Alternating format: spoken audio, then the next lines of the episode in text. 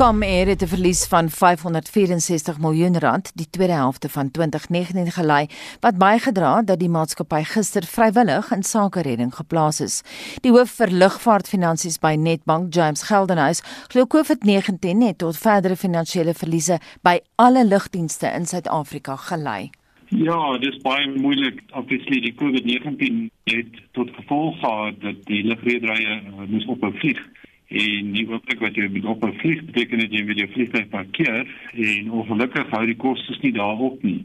Jy bespaar brandstof, maar jy moet nog steeds daai vliegtuig is 'n baie duur kapitaal item. Jy moet nog steeds betaal en jy moet hom ook versorg. So uh, ek dink dit het 'n groot bydrae veroorsaak en dat die maatskappy skielik probleme ontwikkel het want hulle het baie kontantvloei nodig om hierdie te hanteer en uit die aard van die saak het hulle kaartjies nie meer verkoop nie en het kontantvloei nie ingekom nie en is hulle baie vinnig op 'n baie moeilike plek. Wat het bygedra tot die groot verliese eh, wat kom eer gelei het?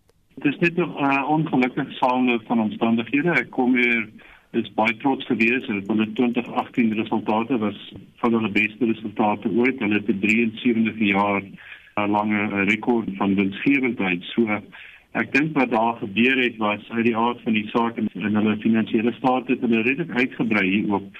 Dis almal is baie bewus van die Ethiopië nagrederyse ongeluk van vlug 302 die Boeing 737 Max wat tot gevolg gehad het dat die vloot van Boeing Max vliegtuie wêreldwyd nie meer kon vlieg nie.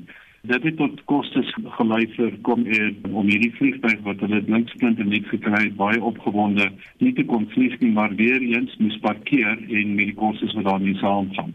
By die aard van die saak die mark het moeilik geraak en uh, SA wat in business redding ingegaan het het ook uh, kontantvloei invloed op hulle Die kundige Joachim Vermoten sê die regering moet die maatskappye help ons is nou by SAL en natuurlik kom hier.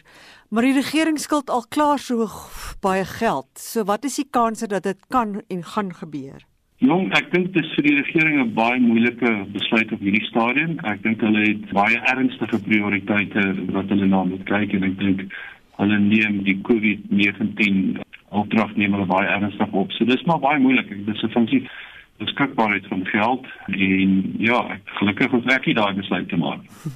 James Erling se Roger Foster het aan die media gesê hy dink nie die Suid-Afrikaanse banke sal belangstel om kapitaal te belê in 'n nuwe lugredery wat soos die ou SAL sal werk nie. Maak dit vir jou sin? Ja, dit is iets wat mense vergeet en ek sê jy gebruik die woord kapitaal want uit die aard van die saak banke gee lenings So en as jy kapitaal nodig het, dan moet jy na instansies toe gaan wat waag kapitaal gee. En ek meen die woord waag kapitaal sê jy uitdruklik. So enige nuwe besigheid het waag kapitaal nodig want voordat 'n besigheid kan kwalifiseer om gewone finansiering te kry, het hulle nodig om daarmee bewys te kan lewer dat hulle 'n besigheidsplan werk en dat hulle suksesvol kan bedryf en dat hulle bekend is in die mark en dat mense hulle wel vertrou met hulle vlieg. So as 'n reël sal banke in elk geval nie sonder nuwe lugrederye finansier reg oor die wêreld nie en het jy mense nodig of instansies nodig wat baie kapitaal gee. In hierdie omstandighede waar ons nou is, dis 'n ander koppie tee of jy buitelandse beleggers gaan kry wat sal belangstel om baie kapitaal te gee, dan sit jy met die verskil tussen die rand en die dollar want so 'n belegging sal dalk in dollars inkom en moet dan in dollars terugbetaal word en dan raak dit baie ingewikkeld en baie duur. Die hoof van die Ethiopiese lugredery het vir Bloomberg gesê dat hulle belangstel in 'n aandeel in die SAL maar hulle Januarie laas met ons regering kontak gehad het. Dink jy dit sal goeie sake sin maak vir wat hulle sê dit is die enigste winsgewende nasionale lugredery in Afrika om 'n aandeel in 'n mislukte staatsonderneming soos die SAL te koop? Daai uh, onderwerp is, is nou al redelik rukkie aan die gang en Ek weet vir 'n feit dat hulle het baie belang gestel om ook net vir SA te help op die stadium. Bojani was ons vorige bedryfs daar gewees en ek weet het groot gesprekke gehad met baie stadium. Hy was bereid om te help op verskillende maniere of hulle wel son inkoop in Israel as 'n ander saak. Hulle het hulle eie COVID-19 probleme op hierdie stadium. Ek dink dit sal hulle baie moeilik wees op hierdie stadium. En die vraag is watter deel sal hulle koop en watter deel is oor om te verkoop? En ek dink hulle is baie goeie lugredery en jy kan sien hulle is besig om regtig waar suksesvol oor Afrika en hulle probeer 'n soortgelyke besigheidsmodel met mekaar te sit soos wat Emirates sê dat jy basies passasiers inbring na Addis Ababa toe en dan versprei van daar af. Hulle is 'n goeie lugredery. Hulle sal altyd kyk, maar die vraag is ook het hulle nodig om te koop of kan hulle nou maar net in elk geval hier na te vlieg en 'n diens lewer? Het hulle regtig nodig om iets te koop om hier te wees? En die man wat daai vraag vra is James Geldenhuys. Hy is hoof vir lugvaartfinansies by Netbank en Mitsi van der Merwe het die onderhoud met hom gevoer. Dis nou kwart oor 7 jy luister na Monitor op RSG en mens sien dikwels deesdae gesigmaskers en die verskeidenheid daarvan spreek van die eienaars se vooroordeele en selfs modekeuses. Die voorsitter van die nie-regeringsorganisasie Justice Project South Africa, Howard Dembowski, is egter bekommerd oor die groot aantal Suid-Afrikaners wat glad nie hulle gesigte toemaak nie. Hy het gister sy standpunt met Anita gedeel. It's notable that a lot of people are actually not heeding the call to wear face masks. The idea behind this entire thing is that I protect you from me and you protect me from you. And the reason for that is that the virus spreads by a droplet. It's very silly of people not to wear these face masks. And even though there is no offense created in the regulations where you can be prosecuted for failing to wear a face mask, it's more of a case of social responsibility towards one another. Lugrederye verplig passasiers nou om maskers te dra. Helaas skep die konteks van 'n arm ontwikkelende land soos Suid-Afrika sy eie probleme. The difficulty that we face, however, is that if you have a look at the airlines, they give people masks.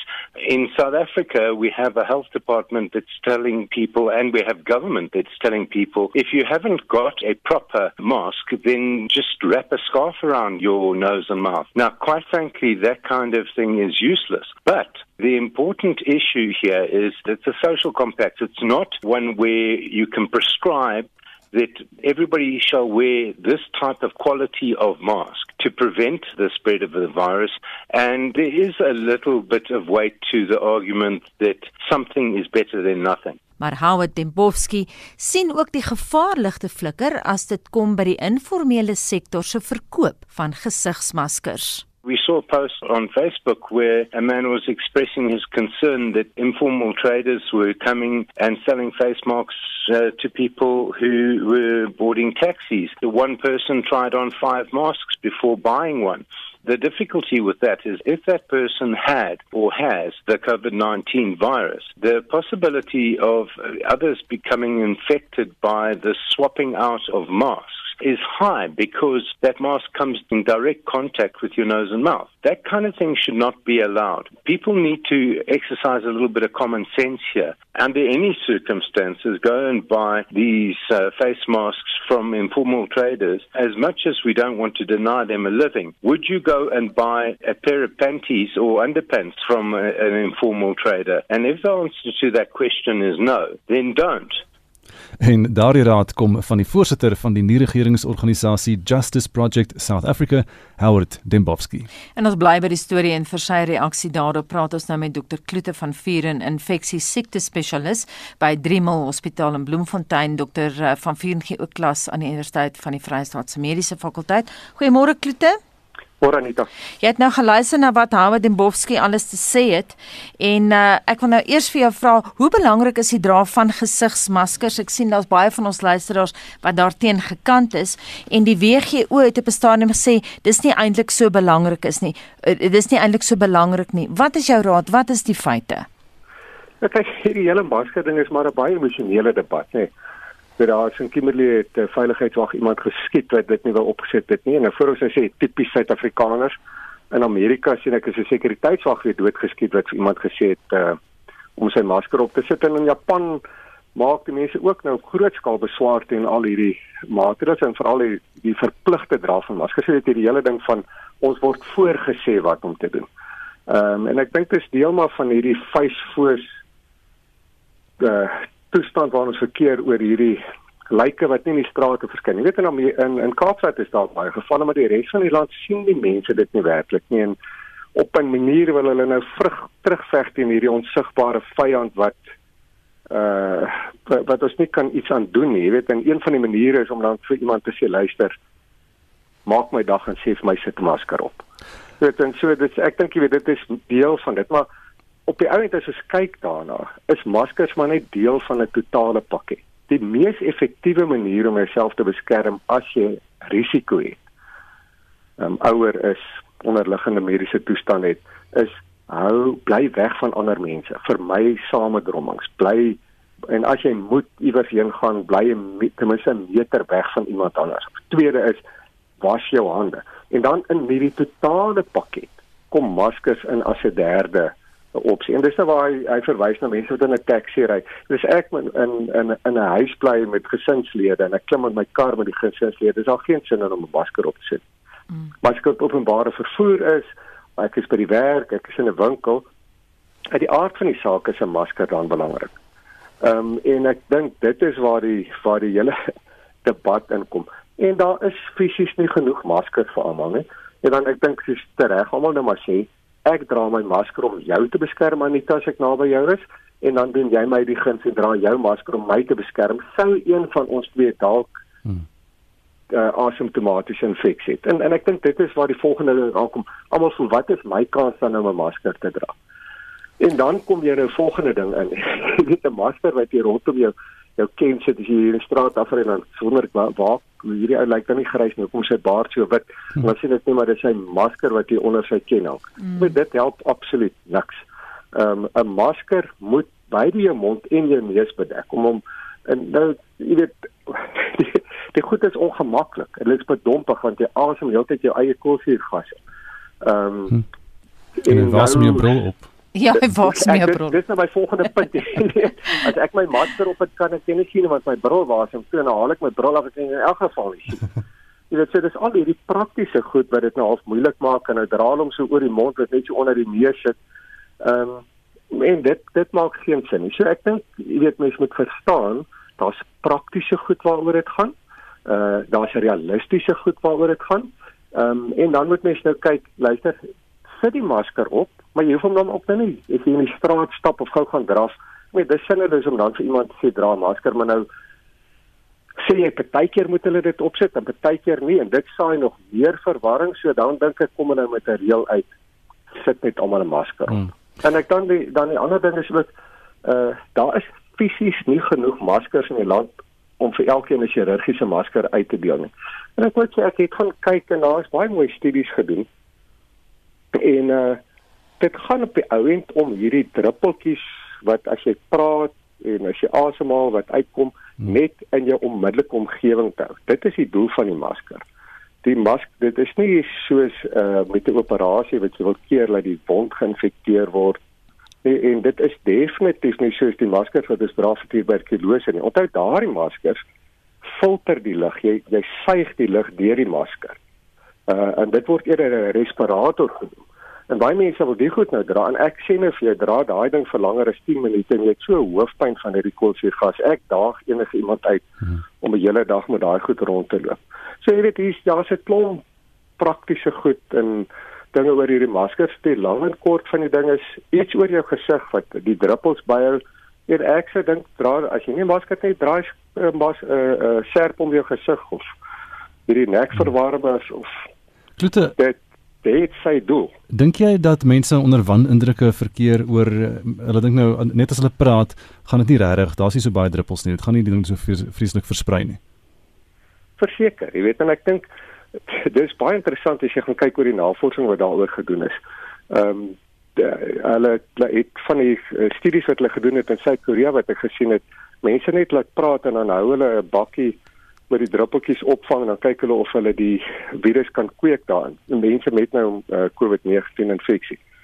En 2 meter van die pasiënt af, as daai bakkie daar staan terwyl hy praat, ehm um, uh kon hulle van die virusse kweek daar. So mm. uh, so dit is nie sommer net 'n uh, toets en kyk is daar virusmateriaal nie. Hulle kyk is daar lewendige virusse daar. En dit is waar hierdie hele ding aankom van jou sosiale afstand wat jy handhaaf. Ehm um, is bly so 2 meter. Meter na 2 meter weg, dan sal die druppeltjies nie op jou val. Maar dan moet jy ook nou nie raak aan iemand op 'n plek waar iemand gestaan en praat het nie. Uh of wat hy self aangeraak. Jy weet so al hierdie goed kom in. Maar ek dink ons groot probleem is ons sien nie die lyke op die straat lê nie. Hmm. En dit sê vir mense luister man, waar gaan hierdie nonsens Uh ons is nou moeg vir die ekonomiese ver, verwoesting kyk of jy vir my kan iets maak doen wat vir jou in die moeilikheid gaan bring ek sê wys. Jy weet en ek dink dit is maar die die attitude, maar ek dink dit is wêreldwyd. Ons sien dit in Amerika. Ehm um, ons sien dit in Japan waar mense regtig wetsgehoorsaam is uh en gewoonlik die reëls volg. En ek dink dit is meer hierdie hierdie, hierdie uh, emosionele impak van die hele ding wat die effek het. Mhm. Eerder is iets anderste.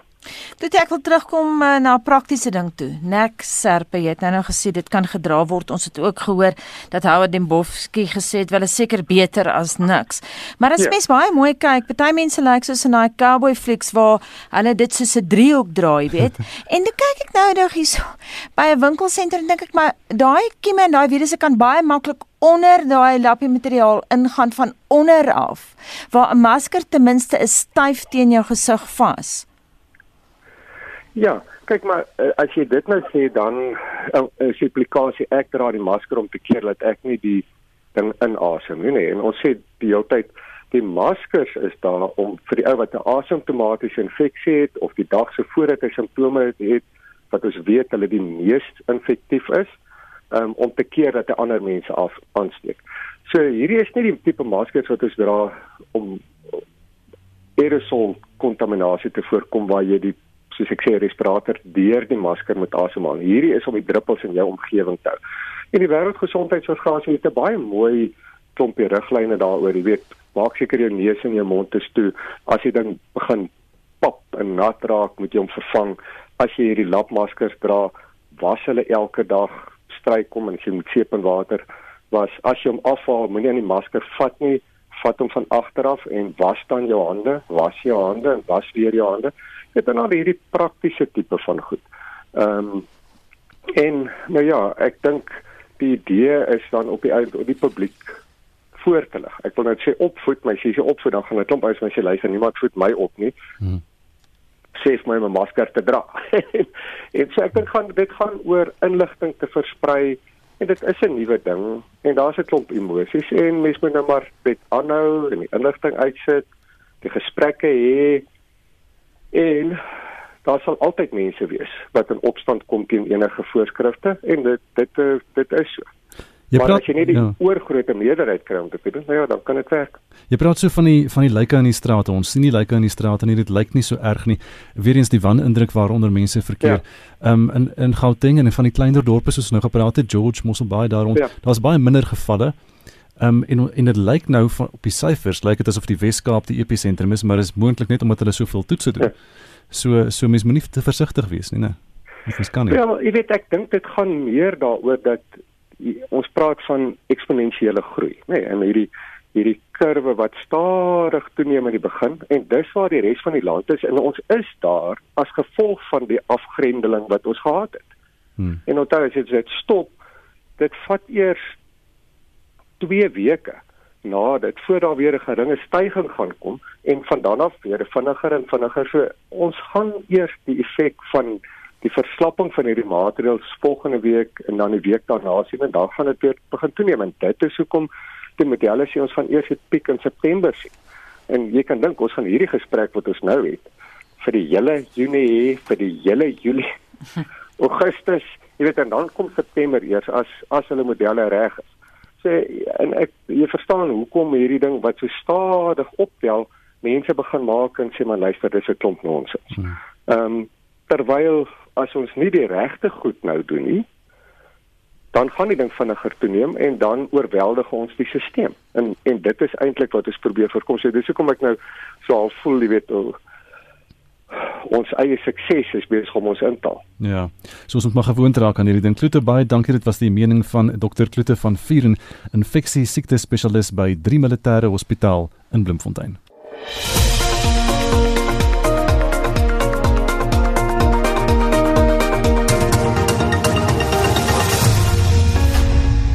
Vincent dit lyk so wat die terugvoer betref of nie almal daarvan hou om gesigsmaskers te dra nie, maar daar is daarom ook mense wat dit baie getrou doen.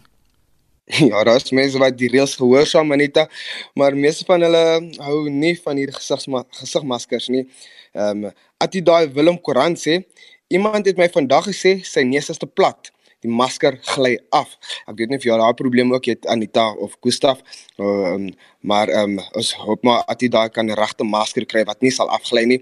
Oliver ehm Kurtzinger sê ons het alkeen 5 maskers, sommige selfgemaak met 3 laag materiaal, party gekoop en party by familie ontvang. As ons dit een keer opgehaat het, kyk ons na die skoonheid. As dit vuil vertoon, word dit gewas, gedroog en gestryk. Andersins word dit net in die son aan die wasgoedlyn gepek. Uh, ek sien daagliks hoe voel hoe vuil sommige mense se maskers is. Die arme mense benodig maskers wat dit betref. En dan sê Martie Cool, ek dra 'n masker as ek dorp toe gaan, maar dit is moeilik, word benoud en my bril wasem toe. Ek dink daai is ook Gustaf se probleem um, met sy bril, maar hierso is ook lekker terugvoer van ons luisteraar se stemnotas. Goeiemôre Rina Brown hierso. Ek dra 'n masker omdat dit van my verwag word om dit te doen en vir my eie gemoedsrus, maar wat vir my meer belangrik is is om jou hande te was wat outomaties deel is van jou persoonlike higiëne wat jy behoort gedoen het al van kleins af en dan ook om jou afstand te behou, nie 'n meter nie, nog meer. En dan die mense wat so kla oor die werkgewer, wat van die werknemer wat nie hulle maskers of hulle gesondheidsgoed wat voorgeskryf word gebruik nie. Uh soos byvoorbeeld die sakpakkers wat die maskers voor die kop sit. Vincent, ek weet nou nie wie die luisteraar was wat geskryf het hulle hang maar net hulle maskers aan die wasgedraad, maar Dr. Kloete van Vuren het spesifiek in 'n onderhoud vanoggend gesê jy moet elke dag mm. jou masker was. Dit is dit is goeie raad daar Janita. Ek het to, toevallig geluister en toe dink ek aan hierdie luisteraar dat almal maar hulle gesigmaskers elke dag maar moet was. Maar laat hulle vir ons hulle mening stuur. Watter tipe gesigsmaskers dra ons luisteraars en hoekom? Indien hulle nie gesigsmasker het of kan bekostig nie, wat doen jy om jou mond en neus te bedek wanneer jy byvoorbeeld inkopies gaan doen of gaan draf? Laat weet ons stuur ons jou mening by 45889. Daardie SMS sal jou R1.50 kos of gesels saam op ons Facebookblad by facebook.com vorentoe skynstreep ZARSG of stuur maar gerus jou stemboodskap by 076 536 6961 en ek's later terug met julle terugvoer. Dis nou 26 minute voor 8:00 luister na Monitor op RSG en die aankondiging van die Caxton groep wat tydskrifte soos Vrouekeer en Rooi Rose uitgee om dit nou te staak is 'n proses wat reeds in 1978 begin het. So sê die buitengewone professor by die departement journalistiek aan die Noordwes Universiteit professor Johannes Vroneman. Die gedrukte media is besig om plek te maak vir digitale platforms. Hy glo nie dat 'n groot poging om die gedrukte media te probeer red nou juis gaan volg nie. Die Caxton groep sê daar word nie genoeg advertensies verkoop nie en dat die sirkulasie van die tydskrifte ook tel. Ja, ek dink ons moet probeer red hierso nie. Ek dink wat ons uh, nou sien is die voltrekking van 'n proses wat nou al etlike jare aan die gang is. Mens kan selfs so ver teruggaan as 1978 toe advertensies op televisie begin verskyn het, maar die feit van die saak is dat in die jongste jare is die ekonomie baie baie swak. En die ekonomie tref die uh, mark op twee maniere. In eerste plek ja, advertensiebesteding neem af en ten tweede mense het net gewoon nie die geld om elke maand die tydskrif te koop nie of miskien twee tydskrifte en koop hulle net een van die twee waar hulle soortgelyk is. So dit is 'n um, resultaat van die swak ekonomie en nou het ons net 'n hoogtepunt bereik en nou het van die maatskappye gesê tot hier toe en nie verder nie, maar ek dink wat mense moet beklemtoon is dat dit kan nie wees net oor die virus situasie nie. Dit is iets wat al geruime tyd kom, etlike jare. En die ander is natuurlik die opkoms van die digitale media. Baie van die lesers gaan kry hulle inligting en hulle vermaak daaroor. So die uh, afname in tydskrifte se verkope gaan al verskeie jare aan. Ek dink dit is waar ons vandag is en dit is nie iets wat gaan omkeer nie. Professor, jy's 'n buitengewone professor by die departement journalistiek by Noordwes Universiteit.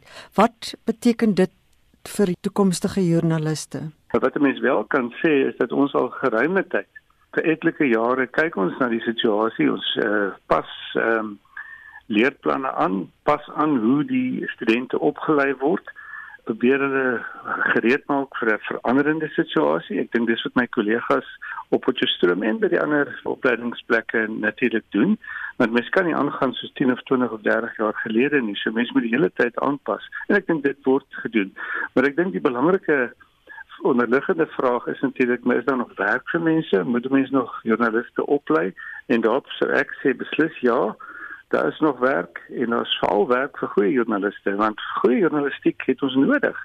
En of daai journalistiek nou gepleeg word op papier en of digitaal gepleeg word is nie belangrik nie. Ek dink dit is ook die hele benadering wat Media 24 volg. Dit sê digitaal eerste.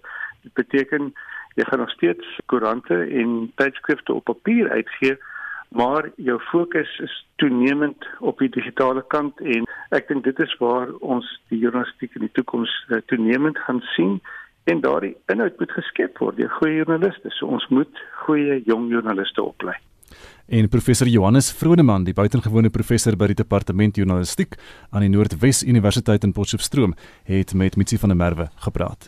Daarso by die wêreld is daar nou minstens 3,6 miljoen gevalle van COVID-19, hoewel minstens 1,3 miljoen mense reeds herstel het. Staan die sterftesyfer nou op 265 000 en Madeleine Forsie hou vir ons die internasionale nuusfront dop vanoggend. Madeleine, waarmee begin ons vanoggend? Ons begin in Amerika Anita waar 2000 mense die afgelope 24 uur aan die virus dood is en president Trump hou vol dis China se skuld. This is really the worst attack we've ever had. This is worse than Pearl Harbor. This is worse than the World Trade Center.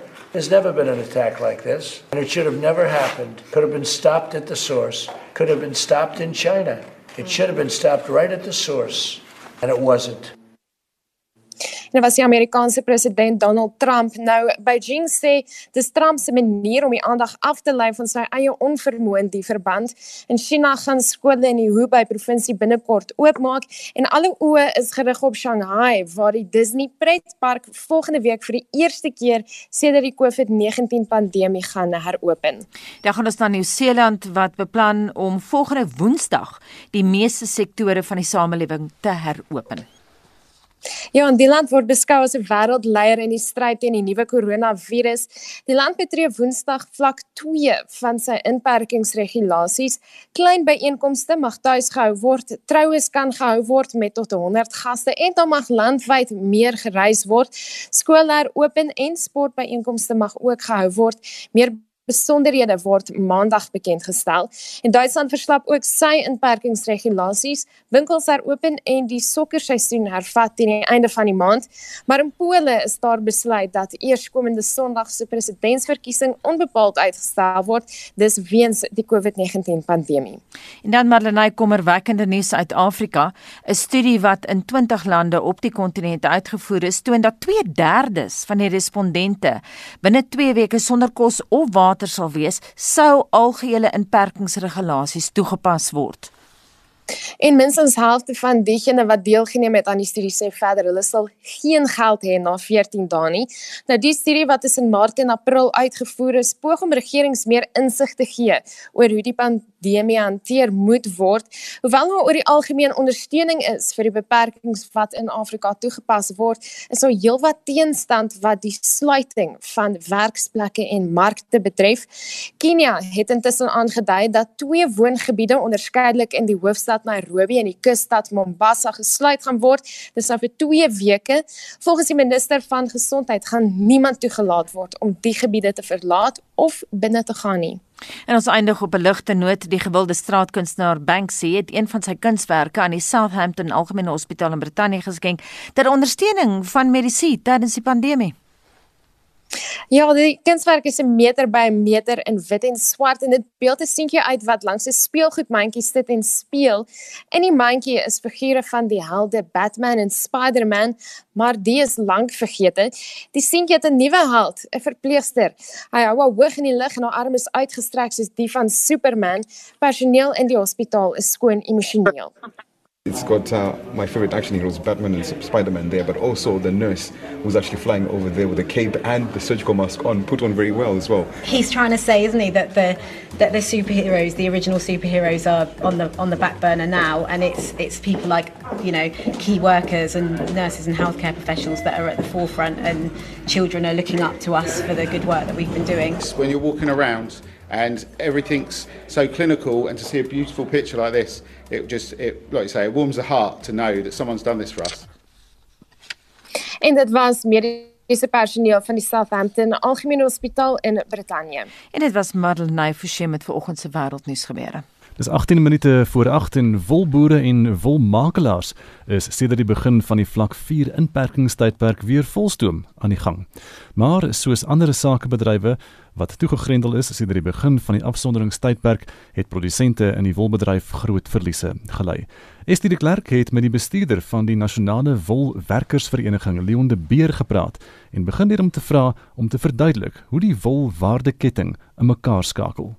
Die wolwaardeketting begin op die plaas reeds waar 'n boer sy skape skeer op 6 maande of 8 maande of 12 maande wol afhangende van die produksiepraktyke en bestuur wat op die plaas gevolg word. Daarna word die wol geklas volgens sekere kwaliteit en lentestandaarde en in bale verpak en hierdie bale weeg so tussen 100 en 200 kg.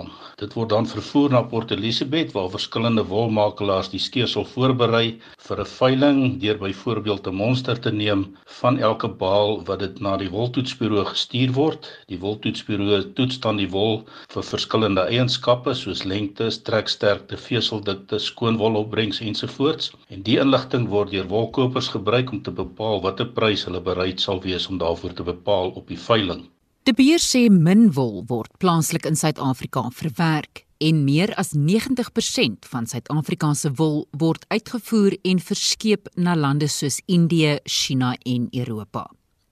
Hy sê hulle is dankbaar dat produksie sedert die begin van vlak 4 se inperkingsmaatreëls kon hervat, maar boere en wolmakelaars het groot verliese gely tydens vlak 5 se inperking. Gevolglik kon wol nie na die makelaars vervoer word of na Port Elizabeth vervoer word nie. Dit kon ook nie opgevuil word nie en ons kon vir 'n groot deel van die inperkingstyd ook nie die wol uitgevoer het nie. Later is daar verslapping gebring in terme van skeerregulasies en ook die uitvoer van landbouprodukte. De Beer sê wolboere is erg hierdeur geraak, veral omdat ons land reeds die afgelope paar jaar onder stremende droogte gepaard gaan. Die impak van die vlak 5 regulasies het ook 'n groot invloed gehad op wollewering en 'n groot probleem veroorsaak vir boere wat veral in die droogte getuieerde gebiede 'n groot behoefte gehad het aan 'n inkomste om onder andere voer vir hulle vee te koop. En genadiglik is hierdie vlak 4 meer genadig en alle landbouprodukte is nou noodsaaklike produkte.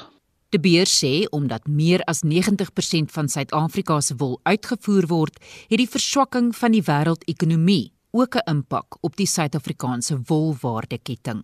Wol is seker ook soos baie ander produkte uitgelewer aan die wêreldekonomie en omdat ons wol grootliks in die buiteland verhandel word, is die wêreldekonomie baie belangrik vir ons en die kopers van wol en ons die verbruiker van wol se koop koopkrag uh, gaan 'n invloed hê op wat uiteindelik die aanvraag vir wol gaan wees. So ons verwag dat daar 'n afname gaan wees in die vraag van wol en hopelik dat oor die langtermyn weer sal herstel. De Beer sê skape kan weer geskeer word en wol kan na makelaars se pakhuise vervoer word. Wolveilings kan nou weer plaasvind, maar onder streng voorsorgmaatreëls.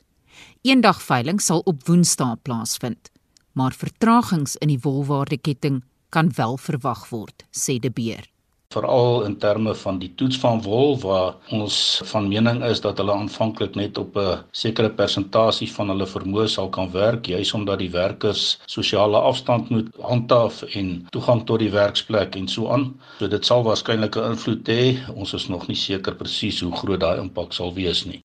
Die beer sê wolveiling sal na die geskeduleerde einddatum vir die seisoen voortduur en dit sal tot 'n beperkte buiteseisoen in Junie en Julie lei.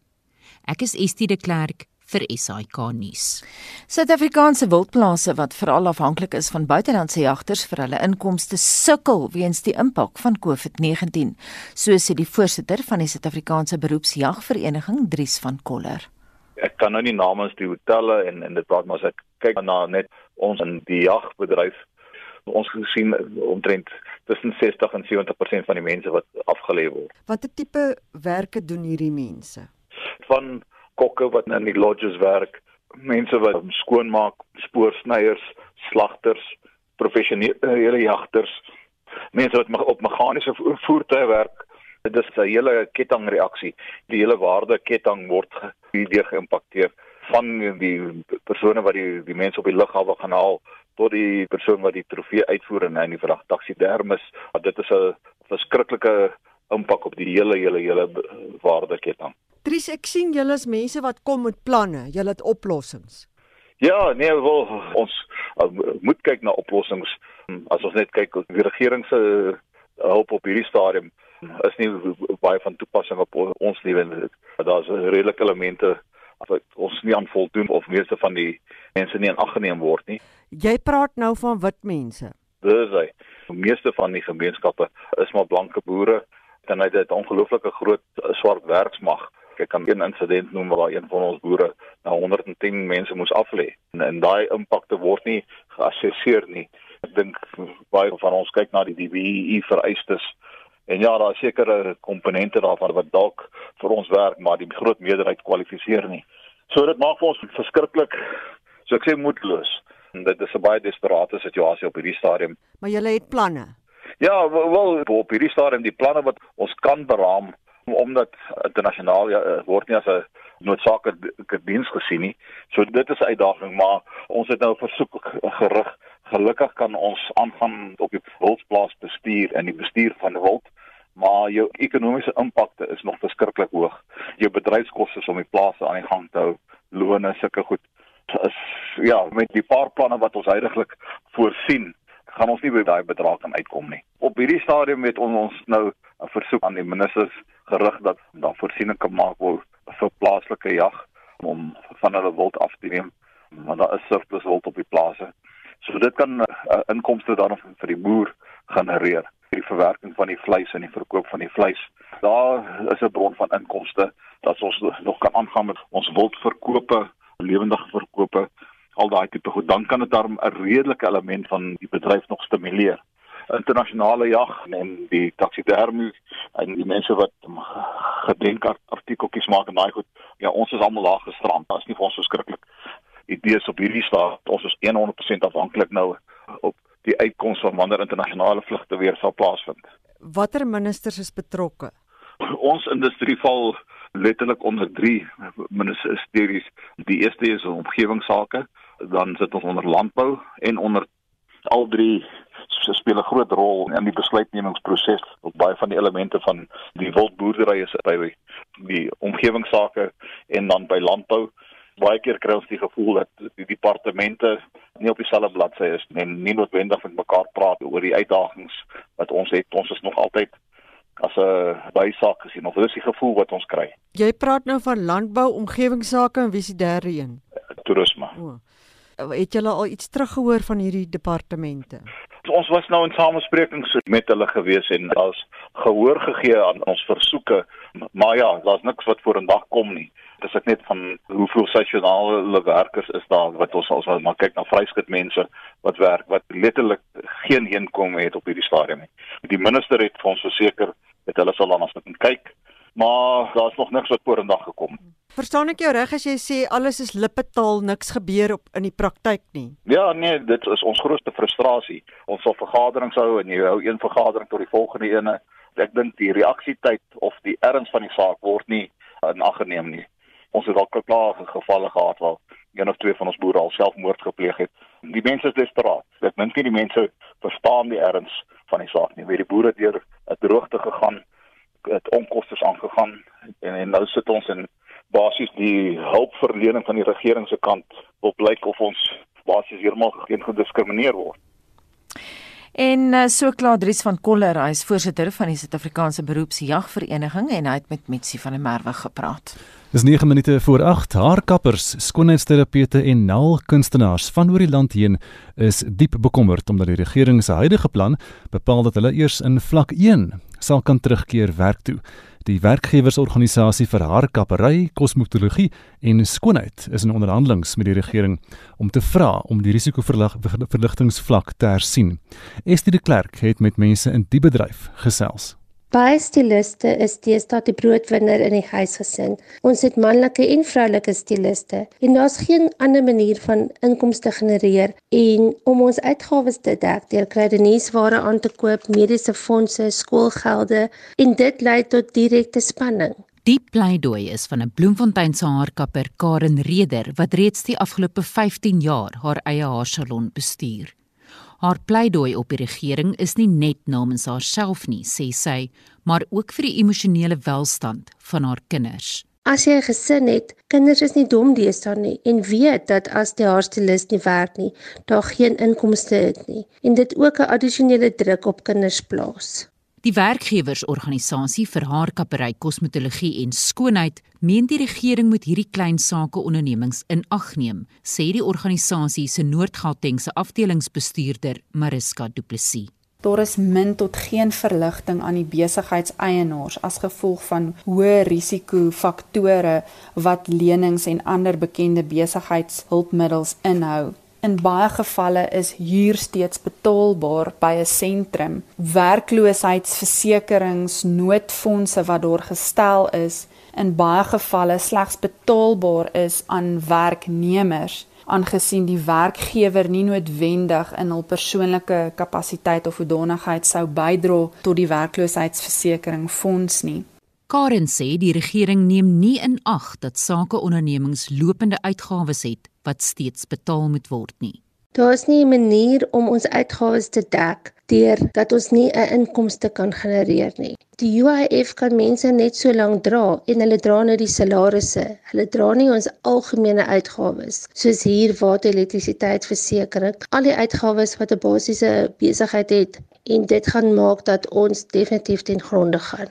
Mariska sê volgens 'n meningspeiling wat deur die werkgewersorganisasie vir haar kappery kosmetologie en skoonheid gedoen is, is daar 'n moontlikheid dat meer as die helfte van klein sakeondernemings in die bedryf hulle deure permanent gaan moet sluit en daar beduidende werksverliese vir werknemers sal wees.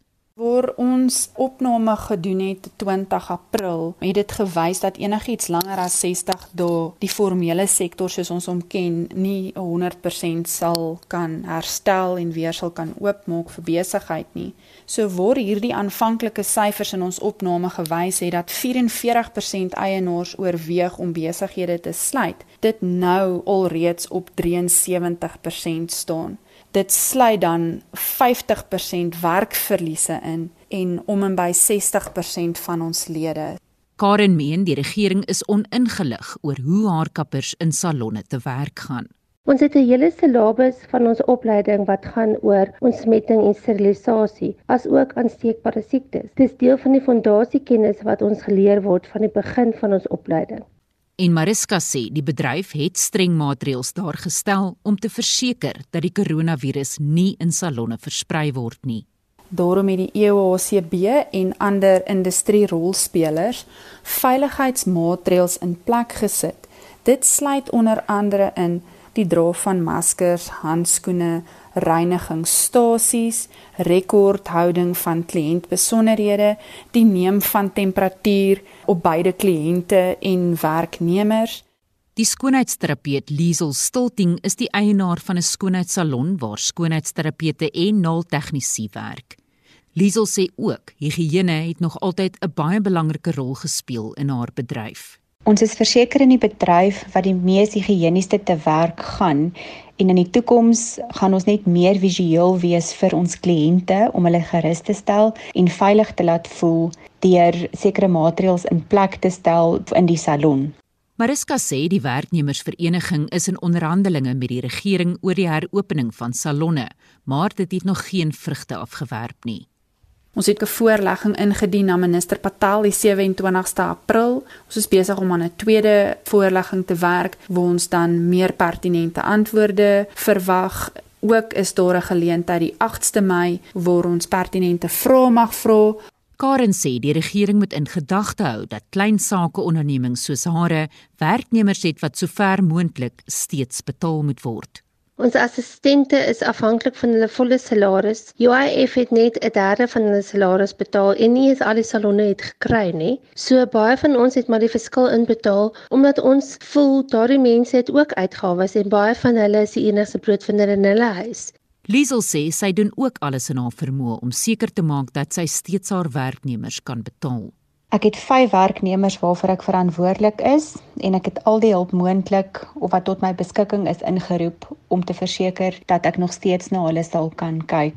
Karen sê een van die katastrofiese gevolge van klein sake ondernemings wat ten gronde sal gaan weens inperkingsmaatreëls is dat die las op die staat al groter gaan raak. Dit gaan nie regtig oor die fisiese sny van die hare of die kleur van die hare nie. Dit gaan oor die feit dat ons moet elkeen ons eie inkomste genereer en dat ons ons besighede moet kan oophou. As ons nie kan nie, gaan ons net weer eens 'n las van die staat raak. En die staat het soveel mense wat reeds van hulle afhanklik is. Buiten dat klante wat graag daardie grys hare wat die afgelope paar weke hardnekkig begin kop uitsteek het, sal wil verbloem en haarstyle weer in ordentlike fatsoen sal wil laat kap, is daar ook diegene wat verseker hulle gereelde gesigsbehandelings terdee mis. Mariska sê die werknemersvereniging kry daagliks tonne boodskappe van kliënte en saloneienaars.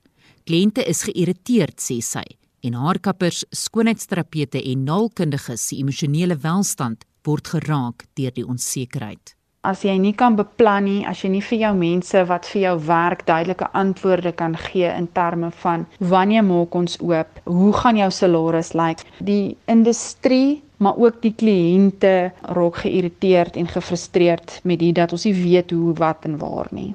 Dit was die Noord-Gautengse afdelingsbestuurder van die werkgewersorganisasie vir haarkappery, kosmetologie en skoonheid, Mariska Du Plessis. En ek is Estie de Klerk vir SAK nuus. 7:58 ons het tyd vir 'n paar stemnotas. Vir die mense wie se maskers so opstoom, soos myne, spuit hom met suiwer alkohol of 'n baie hoë alkohol basis um hand cleaner. Vryf hom op en dit stoom baie minder op. Goeiemôre daar. Jong, dit gaan verder as net persoonlike higiëne. Wat van al die items wat 'n mens aankoop terwyl jy in die dorp is en tussen ander rond beweeg.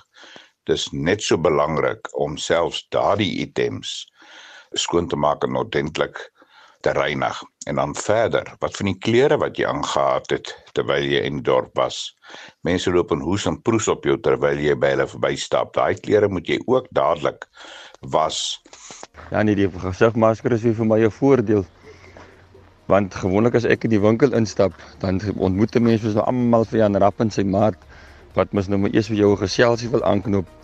Nou met die masker op die gesig is dit net 'n ja en 'n nee en jy loop. So dit verkort dan my inkopietyd. Marlene, hoe lyk Spectrum se dagboek vir later vanmiddag? In Kaapstad word planne vandag bespreek om die toerismebedryf voor te berei op heropening en herstel na die inperkingsregulasies. Eskom verwag slegs 3 dae se beurtkrag tydens die winterseisoen en 'n herriebreek los na die ontsnapping van 37 buitelanders by die Lindela Repatriasiesentrum in Kreursdorp. Skakel in tussen 1 en 2 vanmiddag op RSG. Ons groet namens ons waarnemende uitvoerende regisseur Wesop Pretorius. Uh, ons redakteur vanoggend was Jean Esterhuizen, die produksieregisseur Daitron Godfrey. My naam is Anita Visser. Bly by RSG vir praat saam volgende met Lenet Fransis Puren. Ek is Gustaf Vreiling en ons is terug môreoggend om 6:00.